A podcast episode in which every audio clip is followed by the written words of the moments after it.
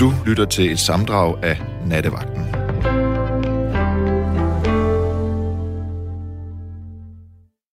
Jeg har lige siden jeg var barn været øh, virkelig fascineret af øhm, den der idiotiske forestilling om, at øh, kroppen kun kan det, som kroppen kan, når øh, vi går på gaden og går på arbejde og passer vores ting og vores shit, fordi sandheden er jo, at kroppen kan så meget mere, når vi er presset. Og det er jeg vild med. Jeg er vild med at, at, at vide, at øh, vores den biologiske system på en eller anden måde kan kortslutte, når det skal, altså for det gode. Øhm, jeg tror alle sammen, vi har kender nogen, har prøvet selv, kender nogen, har hørt om en historie om øh, i, i en eller anden situation, hvor vi virkelig øh, havde brug for at få lettet røven og komme afsted og ud over stepperne. Og så kunne vi bare lige pludselig løbe 260 km i timen og hive os selv op i øh, lillefingeren og sådan noget. Det, sådan nogle historier er ret vild med. I dag øh, oplevede jeg sådan en lille bitte øh, mikrodel af det, og, og jeg er ked af, at jeg ikke kan sige, at det er fordi, jeg fik lige hævet mig op i en flagstang, fordi der var en bjørn efter mig. Det, det kan jeg ikke. Det er desværre ikke sådan en historie, men den håber jeg, at, at øh, du derude kan komme med lidt senere. Nu skal jeg nok holde mig. Øhm, hold fokus her. jeg, øhm, jeg kommer lige fra mit andet arbejde øh, her i dag. Øhm, har fri for et par timer siden og skulle møde klokken 12 Øhm, jeg arbejder på Nørrebro, lige ved Nørrebros runddel, og hvis man kender Nørrebro her i København, så ved man, at lige den del af Nørrebro, den kan, det er sjov, altså absolut farverig, og øh, også hæftig på mange måder. Øhm, og jeg sådan, øhm, jeg ringer lige til min kollega og siger, skal jeg ikke lige købe noget frugt med på vejen, og det måtte jeg gerne, og så er jeg lige fakta, og så kommer jeg ud, og så kan jeg sådan lige runde øh, der, hvor jeg arbejder. Og så kan jeg bare, på et tidspunkt, så bliver der sådan åbnet et vindue, og så kan jeg høre en mand, der sådan, altså virkelig roer, virkelig, så man tænker, shit mand, nu øh, ryger den ejendom der, der i luften, det går da, altså det, kom, det går da galt, det der. Øhm, og han, altså han råbte, jeg smadrer dig, eller sådan, han var, han var virkelig, øh, vir, virkelig, han var ikke for børn. Og dernæst, og det her, det blev lidt scary shit, fordi dernæst var der så en kvinde, der skreg. Altså hun skreg, nej, nej, nej, nej, nej, nej. Og hun skreg, hun skreg. Og, og man kan jo høre på folk, der skriger, om de, om de er sådan bange for vrede, eller bange for at pisse af, eller bange for, øh, oh shit, eller bange for, at nu går det her fucking galt. Og det var så tydeligt at høre, at den her kvinde, hun skreg, fordi hun tænkte, nu går det fucking galt. Og hun skreg, du, jeg skal ikke voldtages. Og ham der, han skreg, og det, altså, det var virkelig, det var, det var ud over sådan almindelige øh, husoptøjer. Og sådan øh, fornuftig, og jeg havde nær sagt pragmatisk, det er vist et forkert udtryk at bruge her, som jeg er, så øh, får jeg lige spottet, at jeg er på sådan en mellemvej mellem to gader på Nørrebro, og det sådan hedder ikke rigtig noget, og der er ikke rigtig nogen husnummer, og øhm, øhm, men jeg får det fundet ud af det, og der er en anden dame, øh, som er lidt yngre end mig, med en barnevogn, som øh, hjælper mig, fordi vi får løbet, fordi vi kan ikke rigtig ringe til politiet, før at vi ved, hvad det der hus for fanden hedder. Øhm, og vi får så fundet ud af det, og øhm, jeg får heldigvis ringet op øhm, til alarmcentralen, og øhm, kunne få sagt, jamen det er øh, det her nummer på den her gade, på den her etage, tror vi nok. Øhm, og det var sådan rimelig hæftigt, fordi at i det, der bliver råbt og skrædet, så er der øhm, en kvinde, øhm, skal jeg passe på, at jeg ikke, øh, ikke etnisk dansk, tørklæde, som øh, åbner vinduet og prøver sådan at fakte lidt til mig, den her dame med barnevognen. Og øhm, jeg får råbt et eller andet senere, så vil hun ikke svare, og jeg tænker, at det vil hun selvfølgelig ikke, fordi at så kan naboen, som er det sted, hvor optøjerne start, start kommer fra, så, øh, så er hun jo en værre hank. Øhm, men i hvert fald, så øh, der går bare, altså vi snakker to minutter, eller sådan et eller andet, så kommer der en øh, patruljevogn med blå blink og sirener og uh, uh, op, altså nærmest en totalt Beverly Hill Street-agtig. Uh, og der bare sådan, holy mother crap, det gik stærkt. Øhm, og det er jo fedt, altså det er jo virkelig fedt, og det viser sig så, at jeg er heldigvis ikke den eneste, øhm, der har øh, kaldt efter hjælp eller råbt alarm. Og øhm, de stryger ind og sådan efter lige at have kigget på mig, og hår, hvad der sket, og hvad har du hørt, og bla, bla, bla. jeg får sådan, jeg blev så slået op, og så øh, afsted med dem. Og, øhm, og så tager jeg på arbejde de øh, to ejendomme der væk. Øhm, og hende her dame med barnevognen, hun sådan følger efter mig, og jeg kan godt mærke, at hun sådan har brug for på en eller anden måde at runde det af, og siger, ej, det var virkelig, virkelig ubehageligt. Og Det ender med, at jeg sådan må, må spørge sådan, er, er du okay? Og det siger hun, ja, sådan, det var hun, men hun synes godt nok, at det havde været sådan lidt, lidt voldsomt, og det var også voldsomt. Men jeg, øh, jeg tager mig selv i, fordi jeg har, har arbejdet med, med sådan noget voldsomt noget i de sidste par år. Så det er sådan lidt... Jeg nåede lige at tænke, mens jeg drak en kop kaffe på min arbejde, jeg tænker, jeg håber da ikke, han har skåret hende i fire stykker. Altså, man kan jo ikke rigtig vide, hvad der er sket. Men jeg tænkte, ja, ja, nå, sådan, nå, men videre. Øh, jeg håber virkelig ikke, der er sket noget. Jeg håber, at, øh, jeg håber, at det lød værre, end det var. Jeg er ikke helt sikker. Jeg, øh, jeg, jeg, det lød som... Det, det var voldsomt, vil jeg sige. Øh, der er noget ved... Øh, der er noget ved nødsituationer, der, der drager mig. Der er noget ved... Øh, der er noget ved det der med at være presset og være nødt til at handle hurtigt, uden at, uden at være bange for at fejle, som jeg, jeg synes, der er, øhm, som jeg synes er fascinerende. Jeg tror i virkeligheden, at vores kroppe og vores hjerner arbejder allerbedst, når der ikke er tid til at tænke over, om vi fejler, eller om vi ikke fejler, og når vi bare handler. Og jeg kunne godt tænke mig, at øh, du ringede ind og fortalte, hvad, hvilke oplevelser du har med, med sådan nogle, øh, lidt, lidt nogle nødsituationer. I dag kan man sige, var meget, meget ublodig. Øhm, jeg så jo ikke noget, jeg hørte jo ikke noget, jeg, kan ikke, jeg ved ikke, hvad der er sket overhovedet. Øhm, men måske har du stået og øhm, skulle genopleve en eller anden. Øhm, måske har du øh, altså stået med øh, blod og brand og død og ild og jeg ved ikke hvad. Det vil jeg rigtig gerne høre om.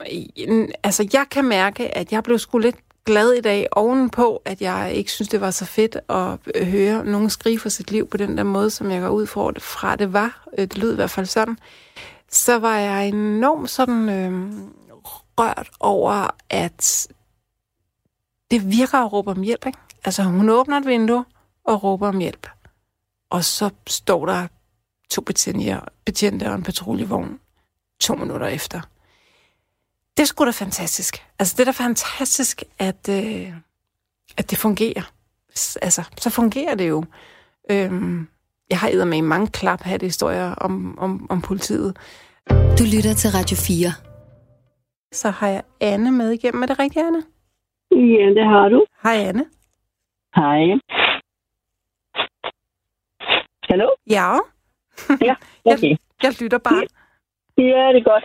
Jamen, den historie, jeg vil fortælle dig, den, det er lige præcis otte år siden, hvor jeg skulle flytte fra Jylland til Sjælland. Hvor du cyklede fra Jylland til Sjælland? Flytte. Flytte. Når du flyttede, ja. Ja, ja. Og øh, jeg, jeg havde øh, min øh, islandske valak i hestetræler i den ene side, og så havde jeg noget flyttegods i den anden side af traileren. Mm-hmm. Og så øh, kommer vi ud for en soloulykke på landevejen. Shit. Hvor traileren kommer i slinger og vælter. Fuck. Og fuck. vælter fuck, fuck, selvfølgelig fuck, sådan, at hesten ligger ned os. Nej, nej, nej, nej, nej, nej. Og det var en, fuld, en fuldstændig tom landevej. Nej. Det var på den ene måde var det godt nok, fordi altså, vi blev skubbet over øh, på tværs over vejen. Ikke? Så på den måde var det godt, der ikke var trafik, men at stå der alene øh, og tænke, være fuldstændig i chok. Og jeg turde jo, altså jeg, jeg tog jo stort set ikke åbne den der sideklap og kigge ned. Øh, jeg vidste jo godt, at hesten lå med os. Fuck, og, øhm, Anna, det er jo helt vildt det her. Ja, det var helt vildt. Undskyld, og, det er jo øh, selv hestepige. Jeg er jo helt Nå, ja. ja det. Øh, Og, og jeg kigger ned, og jeg kigger på ham, og han ligger og kigger op af mig, og Nej. ser sådan, meget, han ser meget fin ud. Men altså, traileren var jo smadret. Det vil sige, du kunne ikke bare åbne en bagklap. Og så i næste øjeblik, så er der 20 biler, der stopper op, og 20 mennesker kommer løbende og siger, hvad sker der, og hvad kan vi gøre? Og nu kommer det interessante i det, det er, at jeg er sådan til daglig, jeg er ikke specielt god til at uddelegere. Og der oplever jeg, jeg følte mig fuldstændig sådan splittet ned gennem kroppen, altså i højre side og venstre side, hvor den ene side af mig er i total panik. Altså virkelig rasende panik. Og den anden side af mig er fuldstændig klar. Ja. Og jeg kan delegere, og jeg kan forklare, altså, hvordan traileren ligesom er sat sammen, og hvad de skal. Fuldstændig klar.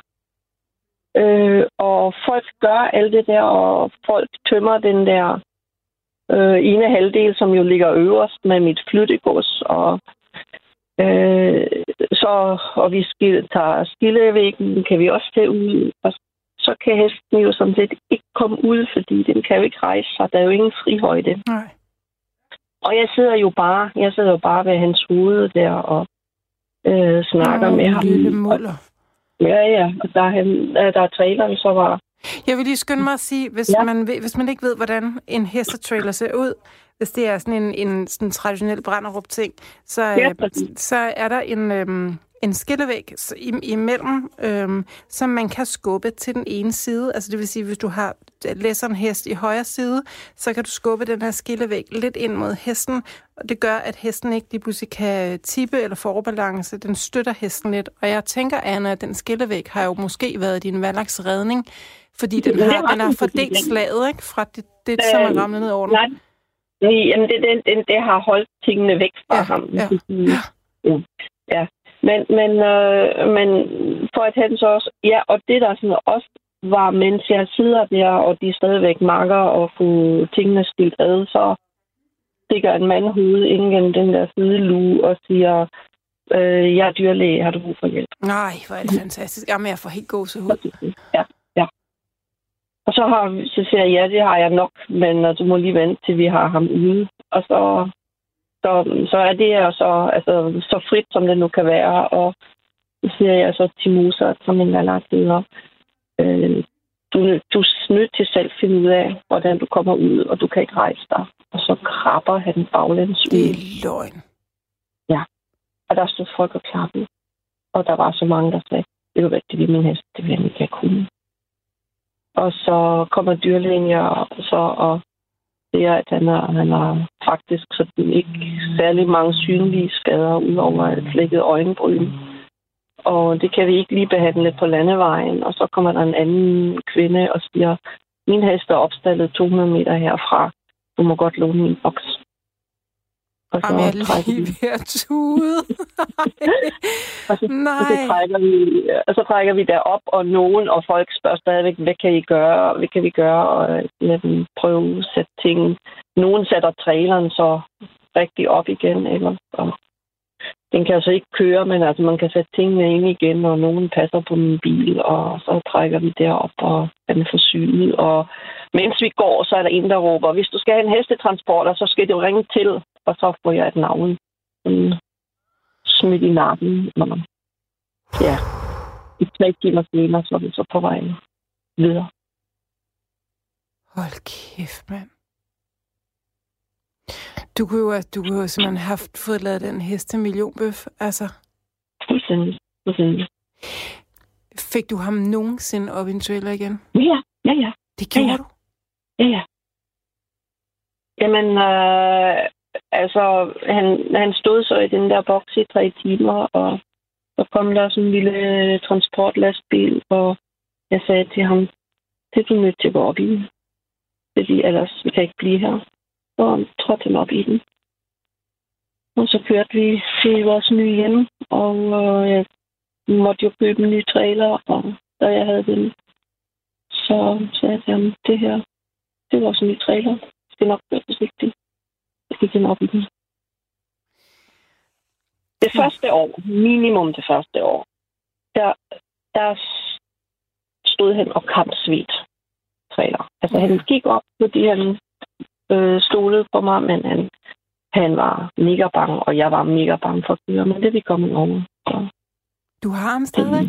ja, jeg har ham stadig. Nå. Hvor længe er det Ja. siden? Men det er otte år siden, Okay. og jeg har haft ham i 16 år. Nå. Har du haft ham altså helt fra placer, eller... eller... Når han var 6, han er 22 nu. Åh, oh, de, de der skønne islænder, de bliver jo simpelthen Mm. nogle oldinge, hvis man passer på dem. Mm. Hvad har du brugt ham til? Mm. Skovtur. Nå. Der... Skovtur og vise folk, hvad, hvor, hvor kloge de er. Altså, han er helt fantastisk med andre mennesker. Oh, ja. Man skal passe på med at køre for langsomt. Altså i virkeligheden, når man kører sådan en trailer, og- den kommer i slinger, så skal man jo sørge for at træde på speederen. Øhm, Øh, det er fuldstændig rigtigt, men det betyder også, og det, det er egentlig der fejlen har ligget. Altså min bil måtte godt trække den, og det var heller ikke overlæst på.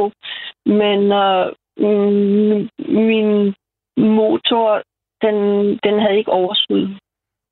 okay. Og det er jo netop der, du har brug for motoroverskud, ikke også til at kunne gas op Ja. og trække den og det kunne den ikke. Men, og det kunne den. Det kunne den ikke. Så jeg fik en anden bil.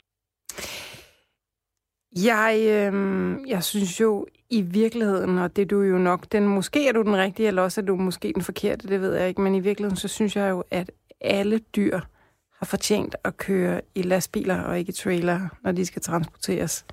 Men det er jo øhm, det er, det er selvfølgelig lidt mere omstændigt og dyrere og, og alt muligt, men, øh, men de der, altså jeg har selv læsset Mm. store, kæmpe store irske fuldblodsheste op i små brænder op trailer, og jeg har det sådan lidt, fuck mand, mm. altså det er, Mm. ja, Især hvis man skal køre langt. Altså, det, det har du ret i, og mine to andre heste, de, øhm, de kom jo så også i lastbil. Efter den oplevelse. Ja. Men altså, småture synes jeg absolut, man kan køre med træner. Jeg kan jo ikke køre en lastbil for at komme i skoven hver gang. det er rigtigt. Men det er rigtigt nok. Men altså, Men, men det der fra, fra, altså, fra Sjælland til Jylland, det er... Eller omvendt Jylland. Ja, det, er, det, det vil jeg ikke gøre mere i dag. nej. Nej. Men altså, fantastisk, øh, fantastisk historie, og mm. fantastisk, at, øh, at... Det er også helt vildt heldigt, at du siger øde landevej, og så lige pludselig var der bare folk alligevel. Altså, jeg kan godt sige dig, altså et eller andet sted var det en total magisk oplevelse, fordi jeg følte, der var så mange engle omkring. Ja. Altså, hvad, hvad, hvad er lige chancen for, at en dyrlæge, som er på vej ud til en anden patient, holder i kø? Jamen, det, Fordi altså, altså, der er lykke. Ikke også? Hvor En stor, er, hvor, stor, ja, hvor stor er der lige chance for det? Og, og alle de andre, altså al, al, al, al det hjælp, der var, og alle dem, der vidste noget, og en, der havde, havde en boks 300 meter derfra. Og så den der oplevelse, altså det har, det har lært mig noget, og altså jeg, jeg fik lyst til at fortælle historien, fordi du havde det der, din intro omkring, at vi kan mere, end vi tror. mm, Og mig, som er så elendig til at uddelegere og virkelig sådan kunne strukturere og sige, så gør du det, så gør du det, så gør du det. det jeg har gjort det 10 gange hurtigere selv. vi bliver gode ledere, når vi er virkelig, virkelig presset, tror jeg. Ja, men det, altså den der, at opleve, at hjernen virkelig kan køre på flere spor. Mm. Ja, men det er fantastisk. Ja. Det er det virkelig. Tak for historien, Anne. Ja, tak. den er voldsom og meget, meget smuk. Altså, og det der skønne, skønne dyr, der kan finde ud af at krabbe sig ud. Ikke? Altså, Ja, øhm, ja. Jeg, jeg, jeg, jeg tror sgu nogle gange, at man kan, man kan tale med dem. Altså, ved du hvad... Øh, det kan man. Ja, ja, jeg, altså, åh, man skal passe på, hvad man siger, ikke? Fordi folk synes, at man er åndssvagt at høre på. Men jeg tror sgu nogle gange, de der dyr, de forstår, når, øh, når lokummet brænder. Altså, så det... Jamen, jeg har, jeg har så mange erfaringer med, med det. Altså, vi har stået samme, samme hest. Vi har stået hos dyrlægen til langvarige undersøgelser, og vi skal tage til ham. Nu sker der det og det, og du skal gøre sådan og sådan. Jamen, så kunne han stå så bum stille, hvor dyrlægen sagde, hvordan gør du det? Ja. Jamen, det, det er samarbejde. Ja. Han ved, han, han, han ved det rigtigt, det jeg siger. Det er fantastisk, når man, øh, når man oplever den der følelse af at være makker med sit dyr, ikke? Mm, ja. Det er... Øh, jeg, øh, jeg, jeg har trænet en, øh, en stor, dejlig øh, irsk fuldblod for nogle år siden.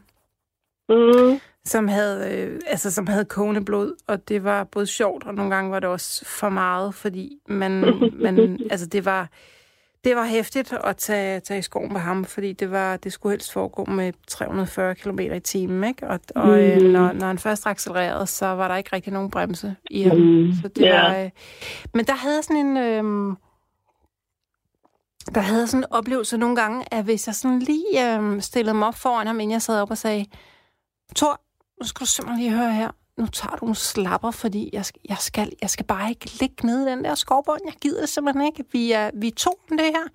Du er simpelthen nødt til, og jeg gider ikke at file mundvigene i blod på dig. Nu, altså, du, må, du må simpelthen tage en slapper. Når jeg gjorde det, så var det ligesom om, at sådan, altså det gjorde det, det var jo ikke sådan, det var, det ved jeg ikke, det ved jeg godt, men det var sgu ligesom om, han hørte, altså det var ligesom om, at turene var bedre, når jeg havde taget den der snak med ham, altså. Ja, han hørte det. Det er ja. jeg godt tro på. Det er det. Anne, som sagt, tusind tak, fordi du ringede ind. Ved du hvad, øhm, kysser du ikke Mozart på mulen for mig? Giv ham sådan en kæmpe stor trut og sige, at, øh, sig, at jeg synes, han lyder, som om han er en Jeg vil fortælle ham, at han har været med i radio i dag, så det bliver noget, der passer ham. Det er godt. Pas godt på ham og dig selv, ikke? Tak, Hej. tak. I lige måde. Hej. Hej. Du lytter til øh, Nattevagten her på øh, Radio 4. Mit navn er Rikke Grosel, og i nat der taler vi øh, om ulykker og katastrofer, og øh, sådan nogle lidt nogle, eller måske, det lyder måske drabligt og dramatisk at sige øh, ulykker og katastrofer. Det er mere sådan situationer, hvor at det, øh, man skal skulle passe lidt på, at det ikke ender i en nødsituation, det her. Øhm, jeg er ret fascineret af menneskets evne til at tænke meget hurtigere, klarere og skarpere, end vi tror, vi kan, når vi står midt i orkanens øje. Øhm, jeg har en kollega, der siger, at fornuftige mennesker tager fornuftige beslutninger. Det siger hun, når vi nogle gange... Øh, jeg har sådan et job, hvor at man at man øh, meget hurtigt kan komme til at træffe nogle fatale beslutninger, og det lufter jeg nogle gange, at jeg kan det lidt bekymret for, så siger hun, Rikke, du er et fornuftigt menneske. Fornuftige mennesker, så fornuftige beslutninger. Jeg elsker hende for at sige det, det er jo rigtigt. Øh, og vi har en evne til at handle intuitivt rigtigt, når lokummet virkelig brænder. Og det er det, som øh, nattens emne skal handle om i nat. Det gør det allerede. Det, vi er i fuld gang. Radio 4 taler med Danmark. Velkommen til dig, Kirsten. Ja, hej, hej. Det er sjovt, at du lige snakker om det der med Nørrebro og ballade. Jeg har lige så, eller i dag så jeg i fjernsynet om uh, det gamle, gamle Alotria som, man, som politiet de simpelthen bare ravede ned. Imens havde besætterne gravet en, en, øh, en, en tunnel ind under gaden og, og forsvundet alle sammen op til en nabo op bagved. Og de stod ved lange... Jeg har aldrig grinet så meget, da jeg så det. Og de var simpelthen så, de var simpelthen så sejrs sikre. Altså politiet stillede sig op i utrolig store mængder og skulle have de her besættere ud af Lotria en stor bygning, der var i København. Jeg, jeg ved ikke, om det er på Nørrebro. Det, jeg bor ikke der, så jeg ved det ikke, men tror jeg, det var. Men så stillede de sig op der, og, og så havde de fået fat i nogle, du ved, sådan nogle store maskiner, de hævede op med sådan en kasse, hvor de, hvor de bankede hul i væggen. Og de tog også og begyndte at banke hul med nogle store kugler, således at det hele skulle bare være faldet sammen om ørerne på de her stakkels mennesker. Men nej, nej, nej, de havde været smarte. De havde gav sig til at grave en tunnel ind under gaden og redde sig op alle sammen. Og de nåede op hos en, en, en købmand over på den anden side af gaden, som de så, så sagde, må ikke sige noget, må ikke sige noget. Nej, nej, han skulle nok holde sin mund. Og så forsvandt de så ud af baggården og, og forsvandt og fordelte sig rundt i København. Og så stillede de så simpelthen i nærheden og stod og grinede. Eller, de, de altså Kirsten, i mangel af bedre ordvalg, ikke? så vil jeg næsten gå så vidt som til at kalde det der for sexet. Nå, hvordan det? Nej, det skulle... Øh, det skulle, det, eller måske elegant i hvert fald så, ikke? Jo, jo men det, det, det, er jo altså det, når folk de bliver presset, ikke? Men så det er jo slet ikke det, jeg vil fortælle om. Det var bare fordi, jeg... Men det er en fantastisk historie. Jeg kendte den ikke. Nej, nå, Søren, jamen det er mange år siden også. Nogle 80 eller andet. Jeg kan ikke huske, hvornår det var rigtigt. De var vilde. Men, øh, jeg kan huske, at jeg var lidt for lille til sådan at rigtig forstå, ja, ja. hvad det drejede sig om. Ja, men jeg kan godt ja. huske, at i TV-avisen, som det jo hed dengang, ja, der var mange ja. øh, voldsomme billeder fra, øh, fra fra København dengang? Ja, ja de, havde, de smadrede jo hele bygningen. Det var meget høj en. Det havde de, jo, de havde jo besat bygningen gennem længere tid åbenbart, og levet og hygget sig og boet derinde. Mm. Alle de der hjemløse unge, eller hvad det var, hvem mm. det var. Mm. Men så til sidst, så, så, så var de var godt klar over, at, at de var på vej til at skulle blive øh, simpelthen banket ud nærmest. Så tænkte ved sig selv, det skal godt nok ikke få lov til. Det er utroligt, at de kunne gøre det grave sig igennem øh, ind, ind under gaden. Ja. ja, især at de har, at det har, de har kunnet slippe afsted med det, uden at det blev opdaget, ikke? Fordi ja, jeg tænker, ja, det, blev at... ikke, det blev ikke opdaget før, at uh, de der var begyndt at smadre huset. Så undrer de sig over, at der ikke var en eneste besætter derinde. Der var ikke... og så var på en eller anden måde, hvor der en eller anden, der opdagede, hov, der skete vist noget derovre på den anden side af gaden. Men det var for længst for sent. Der havde de, der havde de møvet sig igennem den der smalle gang og så op hos, hos købmanden over på den anden side. Jamen, det er jo noget lignende, som vi, vi, vi kender fra tilbage fra krigens tid også. Var der ikke også nogen, der lavede sådan en tunnel et eller andet sted? Sikkert, ja. jeg kommer til at tænke jeg på... Øh, jeg, kommer, jeg kommer til at tænke på, øh, på øh, Astrid Lindgrens øh, Brødne Løvehjert, som jo Nå, også øh, graver Nå. sig ud af, af Tinkels øh, Nangiala er det jo. Ja, men ja. det kender jeg så ikke, men altså, det jo kunne være helt fantastisk at læse om. Men øh, jeg har andre ting at fortælle. Ja. Jeg kunne lige starte med at sige, at jeg har også været i nogle meget specielle heste, hesteulykker, men de gik godt. Jeg var engang og skulle have en, en, en, en hest at ride på et, et sted inde ved jeg elskede at ride inde i, øh, i Remitagen derinde, det der store område. Der var der en eller anden sted, en eller anden stald, hvor de havde nogle, nogle fuldblodsrideheste, og de var sådan nogle meget høje og slanke nogen. Og jeg var lidt nervøs, fordi jeg kunne godt se, at den var noget høj. Og jeg var ikke vant til så høje heste. Jeg var vant til at ride på en ponyridklub. Men jeg tog det alligevel og satte mig op. Og så pludselig så, jeg ved ikke, hvor, hvor, det, hvor det skete hen, men så tog den altså bidet i, i, i tænderne, og så stak den af med mig ja. på fuld om. Det er og jeg, så vemmeligt, når det der sker. Ja, jeg har jo prøvet det ja, utal af gange. Det er hæsligt. Ja, ja, og jeg havde lært, at det eneste, man kunne gøre, det var at på en eller anden måde tvinge den ind i nogle volder, ja, altså i nogle ja, cirkler. Ja. Så man tvinger den mere og mere til, til venstre side eller højre. Og så tvinger den mere og mere til at bøje og gå ind i nogle cirkler, ikke? Og jeg, det, det skete altså. Det endte, jeg, jeg var klar over, at det var rigtig farligt der. Men altså, jeg blev der hængende og blev ved med at blive ved med at prøve, om jeg kunne få den til at, at gå ind i den der. Og det fik jeg den altså til. Og det, der er med det der, fordi det er, det er et meget kendt trick, at, øh, at, når man, øh, at når man sidder på sådan en hest, som, øh, som lige pludselig har fået kogende blod i hele kroppen, så kan man gøre det, at man kan slippe den ene tøjle fuldstændig, og så kan man tage fat i den anden, og så, og så tager man simpelthen bare fat, for så får man bøjet hovedet altså ind mod den ene skulder, og så, så mister den simpelthen. Problemet er, at, øh, at for det første, så vil du opleve, at hesten drejer ret skarpt, måske hvis der er plads til det, og for det andet, så, så øh, når du holder hovedet der på plads, så, så giver du den rent fysisk øh, mulighed for lige at lave et bukspring med halv skrue, og det. samtidig med, at den har ja, hovedet helt ned ved bringen. Så din, så din, øh, altså din øh, sandsynlighed for, at du sidder ja. godt fast, når du laver det der nummer, den, den er ikke, øh, den er ikke Nej, det, jeg undrer mig også. Jeg undrer mig dybt over, at det, det lykkedes mig at blive siddende på den. Men det gjorde det ikke en anden gang. Der var jeg ude at ride med Holte Rideklub dengang. Og der havde, vi, der havde jeg ikke fået fortalt, hvor at jeg ikke var god til at springe. Og jeg anede ikke, at det var et øh, hold, der tog i skoven, der egentlig havde tænkt sig at springe over en stor, øh, bred grøft. Og tænkte sig, da, da jeg nærmer mig, og jeg ser, at det er en grøft, de har tænkt sig at springe, og man kan ikke bare lige nå at pludselig skrige, jeg vil, jeg vil af, jeg vil ikke, vel? Og jeg havde, ikke, jeg havde aldrig haft mod til at springe. Så, og så gav den simpelthen sat den af, og jeg, jamen, jeg har åbenbart, jeg trillede simpelthen ned sammen med hesten ned i, i grøften og slog hovedet i en træstup. Men jeg havde altså ridehjelm på. Jeg vågnede så op på sygehuset, hvor jeg sad lå ved siden af en ridehjelm, der var flækket. Ikke? Det reddede altså mit liv. Ja. Det var ikke en af de gode, de nyere. Nej, det var en gammeldags ridehjelm. Jeg tror, jeg, jeg, jeg næsten ikke forstår, at det lykkedes. At, at jeg, jeg kunne ellers ikke, jeg kunne ikke finde ud af noget som helst. Jeg var sådan lidt underligt diffus, og jeg spurgte hele tiden, hvad klokken var til de forskellige, der lå der rundt omkring. Så sagde de, det har du altid spurgt om, for jeg ved ikke, hvor mange gange. det er tyde på en eller anden jernryst. Ja, det var ja.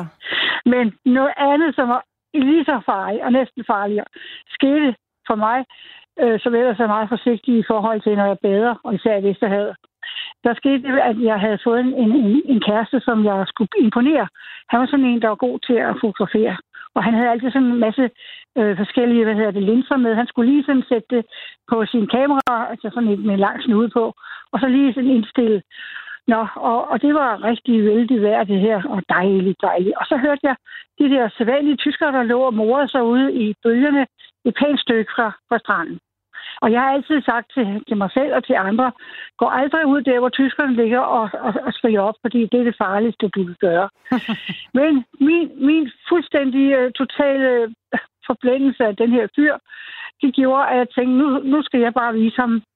Og så gav jeg mig godt nok til at svømme af og tænkte, nu skulle jeg ud og have lige så sjovt, som de der tyskere, der lå derude og gyngede i de der kæmpe bølger. Men så halvvejs, inden når, når jamen, langt før jeg kan nå derud, så ser jeg en meget stor bølge komme imod mig sådan på skrå. Og så, så, så med det samme, så siger jeg til mig selv, den der, den kan du ikke komme over. Og så, og så gør og så min intuition, den var, og, og, og det jeg har, jeg har set mange gange på fjernsyn, det er, når de der surfer, de surfer på bølger, ikke? Mm. Så tænker jeg, og det var det der netop med at handle hurtigt og handle klogt. Så jeg tog med det samme og drejede rundt og lagde mig fuldstændig fladt, som om jeg var et bræt. Som om jeg var surfbræt. Og lagde mig fuldstændig fladt og lagde armene fremad, og så lå jeg bølgen tage mig. Og jeg skal se med love for, at den tog mig. Jeg røg ned i et stort sort hul, og jeg, og jeg blev ved at være dernede og tænkte, nej, nu er det vist gået galt det her. Altså, jeg nåede at tænke sådan, men jeg nåede ikke at jeg nåede overhovedet ikke at blive bange og begynde at, at blive skrækslagen og stive, og jeg nåede. Jeg, var, jeg gik meget til yoga på det tidspunkt. Ikke? Det, det har hjulpet mig. Men jeg, jeg, jeg blev simpelthen ført med ned rundt et eller andet sted, som jeg har været i hestehoved. Og så kom jeg... Altså lige pludselig så, så, så, så slap øh, bølgen taget i mig, eller hvad den gjorde. Og så blev jeg drønet op på stranden, ikke helt op på stranden, men i det yderste øh, hav, havkant, hvor jeg sådan blev drønet op, ligesom sådan et stykke vragkurs. Og, ja, og så lå jeg bare der med armene frem og rakte dem op imod min mand, som bare overhovedet ikke havde opdaget noget. Han stod simpelthen bare og kørte rundt på de der kameralinser, og så spurgte han lige så dumt, hvor blev du af? Og så, og så, og så, og så, jeg kunne ikke svare. Og så stod der nogle andre gadegæster, og de stod fuldstændig forstenet med ansigter forstenet, fordi de havde set, hvad der skete for mig. Han havde ikke opdaget det, men de andre havde set det. Og så, og så, og så måtte jeg så...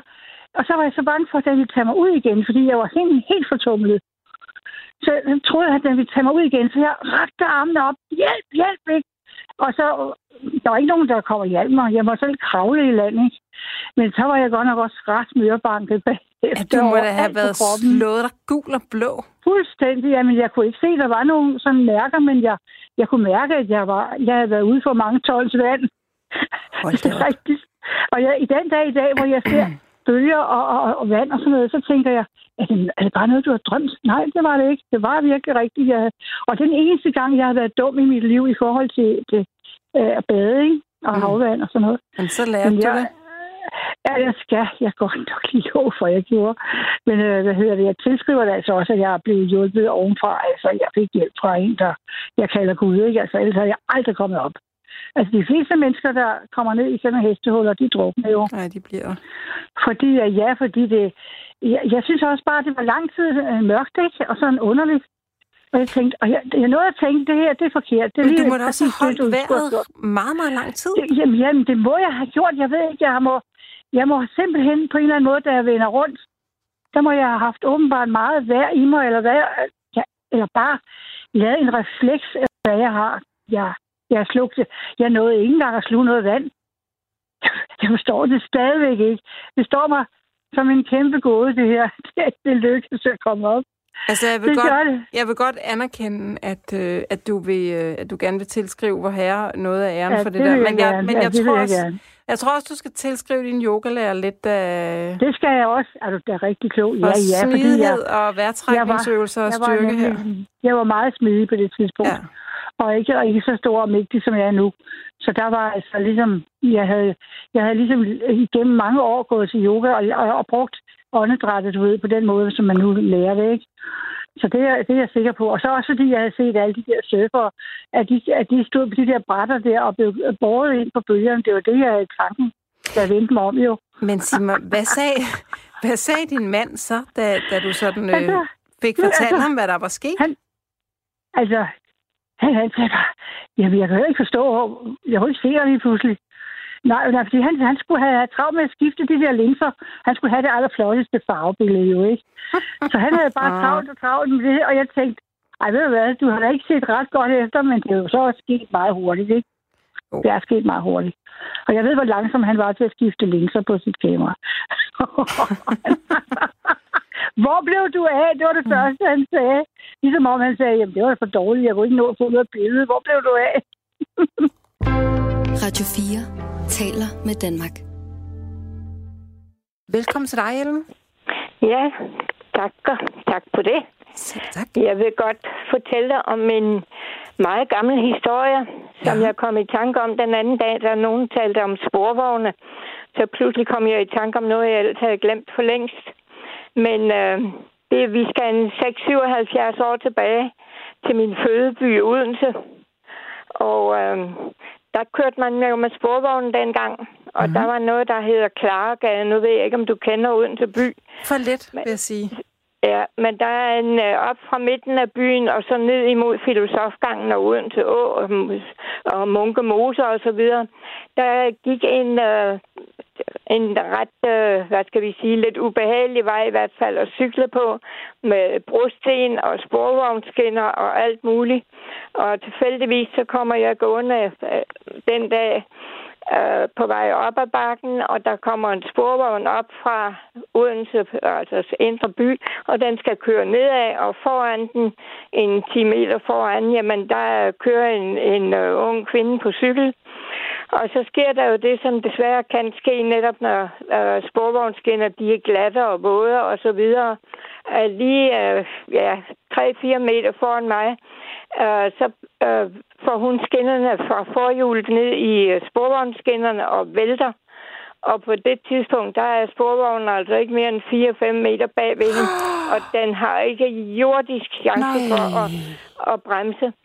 Og jeg handler fuldkommen som en per, per instinkt, og jeg springer frem og får hævet både hende og cyklen lige nøjagtigt uden for øh, rækkevidden af, af hjulene på sporvognen.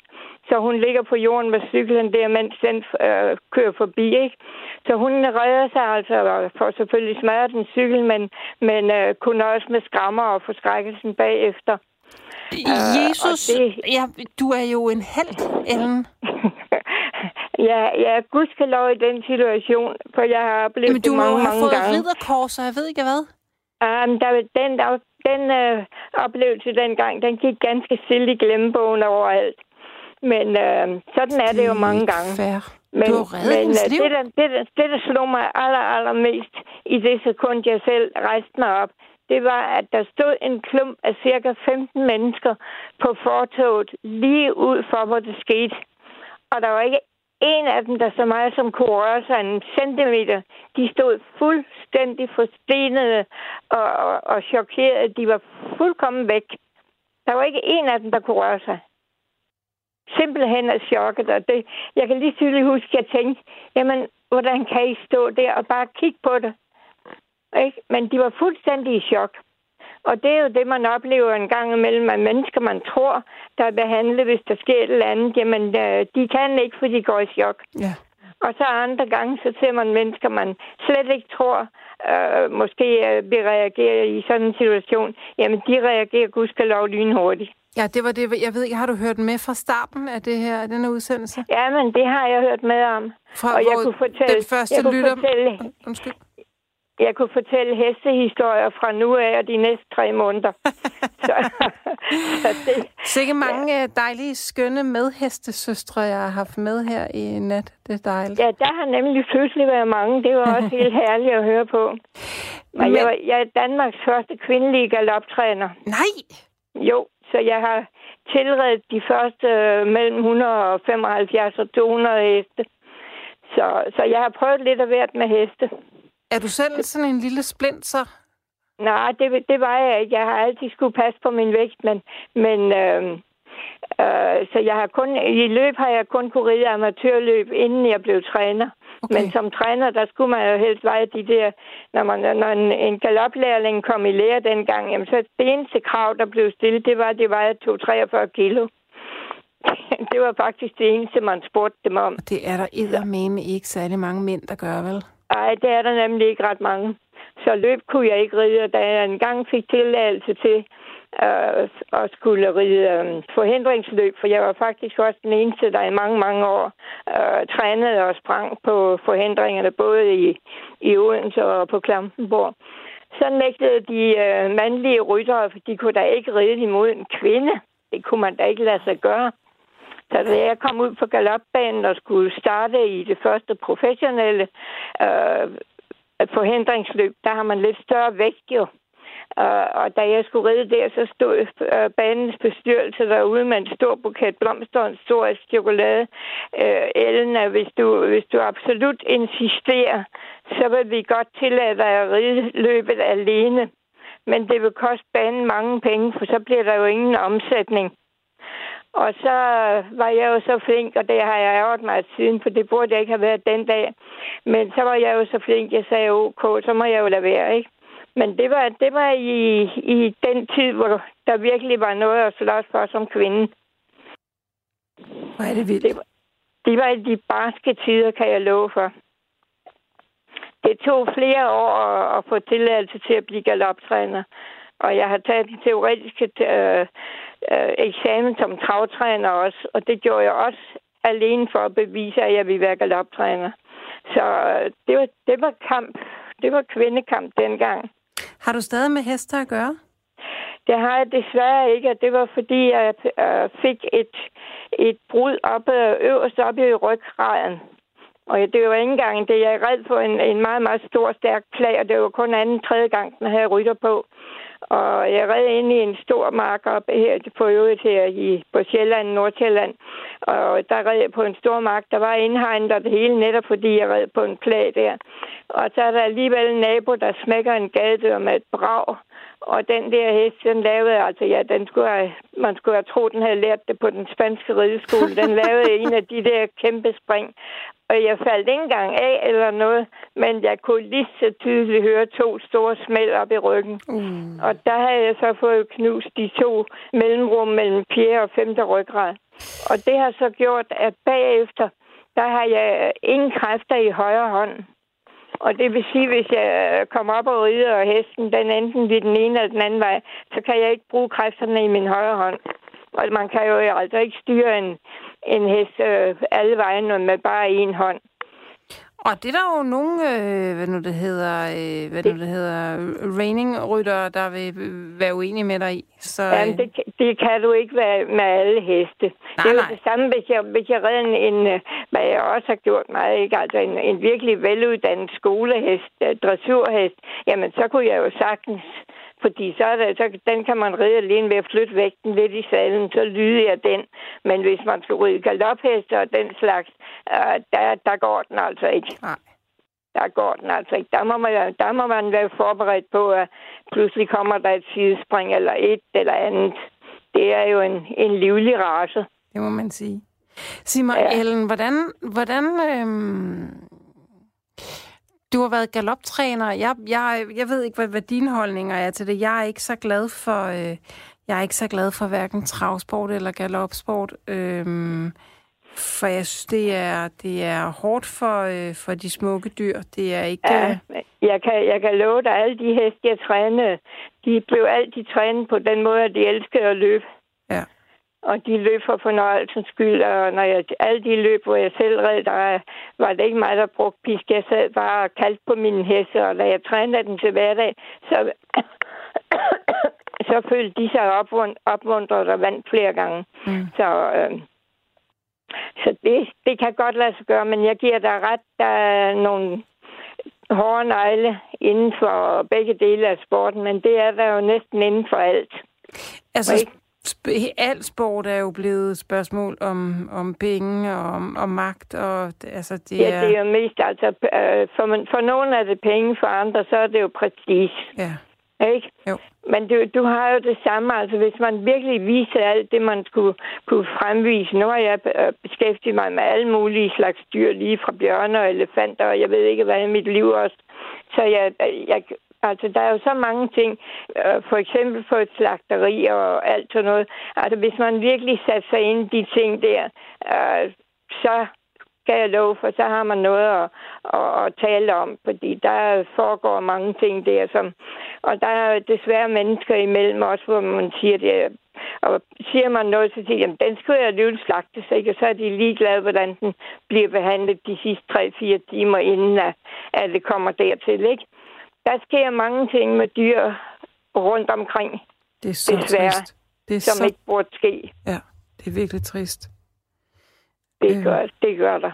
Uha, det, jeg kunne, ja, jeg kunne snakke, jeg ved ikke, hvor mange udsendelser igen om alle de ting, så... Jamen, så, mig, men, men, men vi har da lidt tid nu, så ja. det, jeg håber at du har du kan fortælle lidt af dem. Men hvorfor, øh, hvorfor har du haft sådan et liv med eksotiske dyr som bjørne også? Det er fordi, øh, jeg startede med at løbe over i Odense Rideklub. Den lå lige ved, jeg er født på Sønder Boulevard ved siden af kasernen og Amtssygehuset og så videre. Så lå øh, Fyns Rideklub lige bagved. Og der løb jeg over lige fra jeg var tre år, fordi jeg elskede heste. Og der kom jeg altså ind, og jeg har siddet på en hest mange, mange gange, 10-12 timer i døgnet. Altså, lige fra ganske lille af. Og har oplevet, altså, det var jo ikke noget med betaling. Jeg gjorde det jo, fordi jeg elskede det. Og så var der en gammel berider Vestervig i Odense, som tidligere havde trænet uh, Garda Husarne og alt sådan noget. Han havde, var på aftægt der, man tænkte, og gik og havde lidt og redde ture med nogle enlige ældre damer, der var meget bevæget over at ride med ham. Men uh, han var en, en guttermand, og han tog sig, af mig, tog sig af mig på utrolig mange måder. Uh, han gav mig også mange, mange skub indirekte til at, at få den psykiske styrke, der skal til i mange situationer. Ikke? Altså for eksempel så øh, var der en hest, der hed Desra. Det var også en meget, meget smuk fuldblod. Og den smed mig af lige så hurtigt. Men det passede den ikke. Og mine ben, de var jo kort dengang. De kunne dolde noget ned under sadellæder. Jo. Så jeg røg af, så kan jeg lige tydeligt huske den dag også, hvor han siger til, til mig der, hvis du ryger af tre gange i dag, så får du aldrig lov at ride den mere. Og jeg var dybt ulykkelig, for jeg, den smed mig af lige på stribe, ikke? Og jeg røg af to gange, ikke? Uh, men så netop som den uh, guttermand, han var jo var, så forlod han ride, uh, ridehallen uh, imens, og jeg faldt af tredje gang. Og det blev aldrig nogensinde nævnt, for han har jo ikke set det. Nej. Og selvfølgelig har han fået det at vide. Men det pussy er, at siden den dag faldt jeg aldrig af den mere.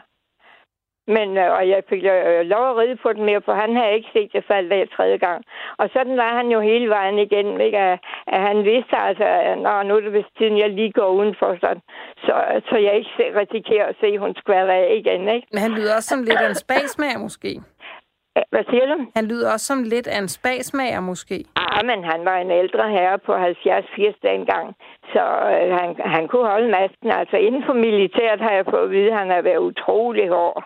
Okay. Og det var noget med at putte en pind op under armene og, og en pind under knæene, når de skulle lære at ride. De skulle lige våge at tabe en af delene der, så faldt der brænde ned. Så han, han havde været en hård negl, men øh, jeg tror, han hyggede sig med mig og, og sådan noget der. Jeg, han havde jo mange heste, der skulle trænes hver eneste dag, ikke? Og, og han var faktisk glad for, at jeg kom, og så dem, der ikke var rigtig værd at, at, at træne for ham, der bare skulle motioneres og sådan noget. Jamen, der var det jo fint, han havde mig til at, at ligge og ride dem, og jeg var lykkelig, ikke? Så øh, der, var, der var mange dejlige oplevelser der. Han var en guttermand. Han sidder for i min skrabbog. Hvorfor var det lige galoppen, der, øh, der, der øh, greb om det, hjertet? det var jo igen det der, jeg kom fra et hjem, hvor der ikke var penge i baghånden. Og den, på det tidspunkt dengang, der så der altså ikke nogen, der, der red i stallene, som ikke var velhavende eller grever og baroner. Det fandtes ikke på den tid i Odense. Enten var de meget velhavende, eller var, som sagt, altså grever, baroner og så videre ude fra oplandet på Fyn, ikke? Så øh, da jeg var den eneste, øh, der gik øh, faktisk i stallene der, og som jeg bestemt ikke havde nogen penge med hjemmefra. Men øh, jeg gik til hånden, og jeg blev fantastisk godt behandlet af, af ufattelig mange mennesker dengang i Odense der. Det gjorde jeg. Og så vidste jeg jo godt, ikke, at jeg kunne ikke senere, når jeg blev for stor og, og voksen, så kunne jeg jo ikke øh, stikke til randen derovre. Jeg skulle jo også på et tidspunkt have en anden uddannelse og tjene nogle penge. Ikke? Og så kom der et, først kom der et tilbud, øh, hvor jeg blev øh, presset til at, at prøve at, at blive optaget. Og det var så gennem uden til So, der havde et, øh, der skulle til at lave børnecirkus og det, øh, der var jeg 12 år gammel, og den dag i dag, der vil jeg sige, det er det lykkeligste år, jeg har haft i hele mit liv. Og jeg vidste dengang, at så glad blev jeg aldrig mere. Så der havde jeg i, i den times udsendelse, der var der fra børnecirkus i Odense, der havde jeg 13 dyrenummer på en side. Og det var med lamaer, og det var med ponyer, og det var med ja, alt, hvad Men Simon, hvordan kom, hvordan kom du ind i cirkus? Det var fordi, jeg blev optaget der, og der var en øh, cirkusmand, der skulle lede det der børnecirkus. Men jeg var faktisk den eneste, der, der var vant til at have med dyr at gøre. Og derfor blev jeg sådan set stjerne i, i hele ud, altså i hele udstillingen eller øh, optræden og det mm. hele. Fordi øh, alle de andre numre, det var som regel noget med akrobatik og, og den slags ting, ikke? Som øh, andre børn kunne optræde med. Men jeg var faktisk den eneste, der, der havde haft med dyr at gøre. Men hvor gammel var du der? Jeg var 12 år. Så, og, og, og hvad med din skole, og hvad sagde dine forældre? Jamen, det kan jeg love dig. Jeg havde også UG i dansk og matematik alligevel. Og når vi nu snakker skole, så kan jeg love dig, at dengang, når børn var igennem 4. klasse, så var der altså ikke nogen, der ikke kunne læse og regne. Det var utænkeligt. Ja. Alle børn kunne læse og regne, og vi havde nogle fantastiske læger, lækre, fordi det var jo under krigen, og de var meget, meget ærekære med, at vi skulle øh, lære noget, og, og vi skulle kunne klare os, når krigen engang var slut, og, og alt det her. Så øh, vi fik virkelig lært noget dengang, og vi fik også karakterbøger med hver, hver kvartal. Allerede dengang. Og det var sådan, at skoleinspektøren, som jeg tilfældigvis også havde til dansk, han delte øh, kørte, eller gik rundt i mange af klasserne og delte karakterbøgerne ud og skældte ud til dem, der havde for dårlige karakterer og så videre, ikke? Mm-hmm. Og det, og det kunne han. Han var, han var et pragtfuldt menneske, men han kunne godt, når, når han, øh, det var en høj statelig mand, og når han tog den bøse, den bøse stemme på, så skal jeg love for, så, så øh, rystede de lidt eleverne der, fordi han behøvede ikke mere, når han råbte højt der.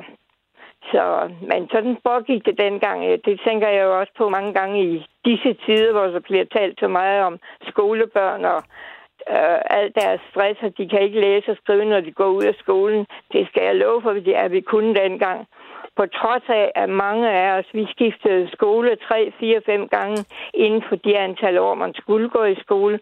Og det var alene fordi tyskerne, de tog jo skolerne øh, indimellem, så pludselig så Øh, besluttede de, nu vil de have den skole, og så vil de have den skole, og så måtte øh, klasserne jo blandes fra forskellige øh, skoler, for at de overhovedet kunne komme i skole.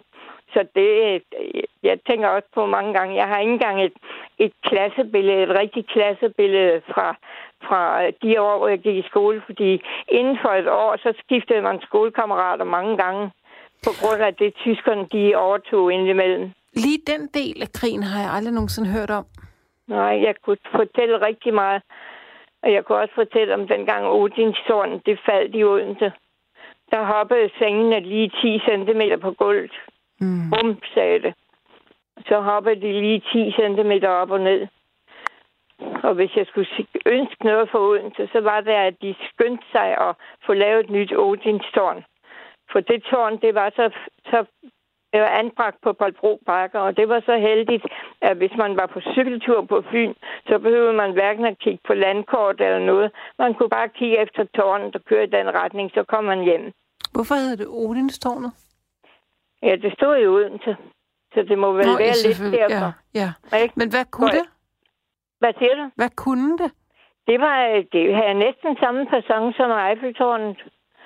Og du kunne komme op i det. Jeg har stået op i det der helt op på toppen, og bilerne, de lignede nogen på 5 cm, når man stod deroppe og kiggede mm. ned på bilerne.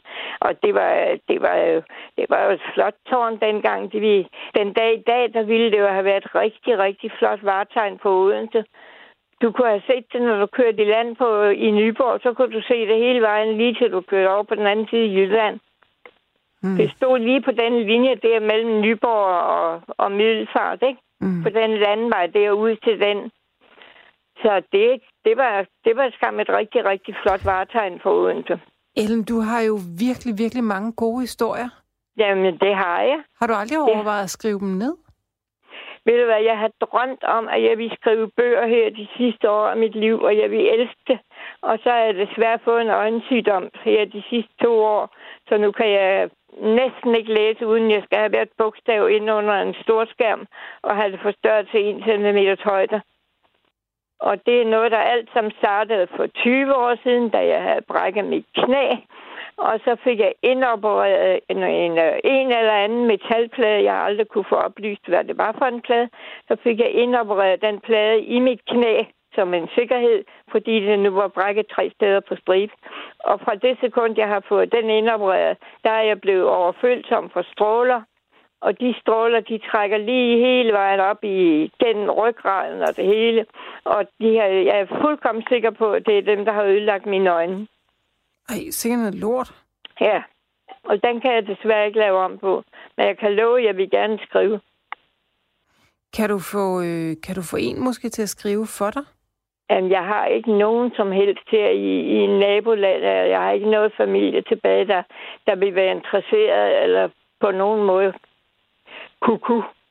Mm. Men jeg har, nu, jeg har jo hørt netop her på Radio 4, at, at I, der bliver gengivet noget her om aftenen, I kalder det. Hvad kan er det, I kalder det? De der, ligesom plader, der er indtalt, hvor man øh, så kan køre den på radioen. I kalder dem et eller andet Pod, nå, specielt. Podcast, er det det, du tænker på? Ja, Ja. ja. Og dem har jeg nemlig tænkt på, at jeg vil prøve at finde ud af, hvordan man lavede den. Om det var noget, jeg kunne.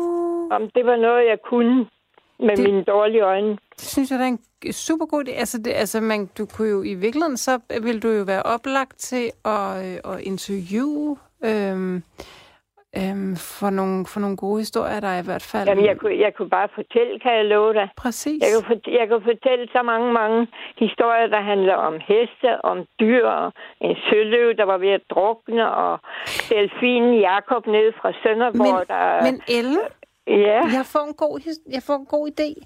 Fordi Nå, jeg sidder jo her i morgen nat, ikke? Ja. Så hvis jeg nu, øh, hvis jeg nu spurgte dig, om du ikke sådan, når du vågnede i morgen, kunne gå og tænke på, øh, på nogle gode historier, du havde lyst til at fortælle, så kunne, jeg, så kunne vi lave et emne i morgen nat, der hed gode historier for det der, de kalder livet. Så kunne du jo Ja. ringe ind igen og fortælle gode historier.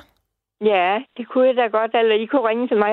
Ja, det er jo Det var, det samme. det var nemmere, så jeg ikke lige skal sidde på en stol her klokken to om natten. Men, men hvis, vi, hvis vi må det, må vi det? Det må I godt. Når hvis vi bare har aftalt det, så er det fint. Jamen, så tales vi jo ved i morgen nat. Ja. Hvad Mhm. mm-hmm. kalder du, øh, hvad kalder du øh, overskriften? Så, så, øh, så er det noget med at fortælle gode historier. Gode historier. Gode historier. Om dyr. Og ja, Eller- eller det, det, det bestemmer Og du. det, nå, nå, okay. Men Men- det kan jeg sagtens. Men det vil jeg, det vil jeg, det vil jeg se frem til. Og øh, Rasmus, ja. min søde tekniker, han har simpelthen lige sendt mig et billede af Odinstårnet her fra, øh, fra hvad nu det hedder... Øh, fra gamle det, dage. Fra gamle dage. Det er meget, ja. meget øh, spektakulært. Det ligner næsten spidsen af en jetjager. Ja, men det er det. Så men der har du... jeg stået op i toppen. men men jeg prøver, prøver, når du, hvis du har mulighed for det, så går dem i Odense opmærksom på, at de skulle skubbe på, så når vi fik det op og stå i Odense igen. Det, det var det med... bedste varetegn, de overhovedet kunne få. Det her med givet videre. Ellen, vil du nu ved at sige på, på genlyt til i morgen, fordi Jamen, nu er der, vi. er der nyheder lige om lidt. Men tak, ja. fordi du ringede. Alt i orden. Tak. Selv tak. Hej. Hej, hej.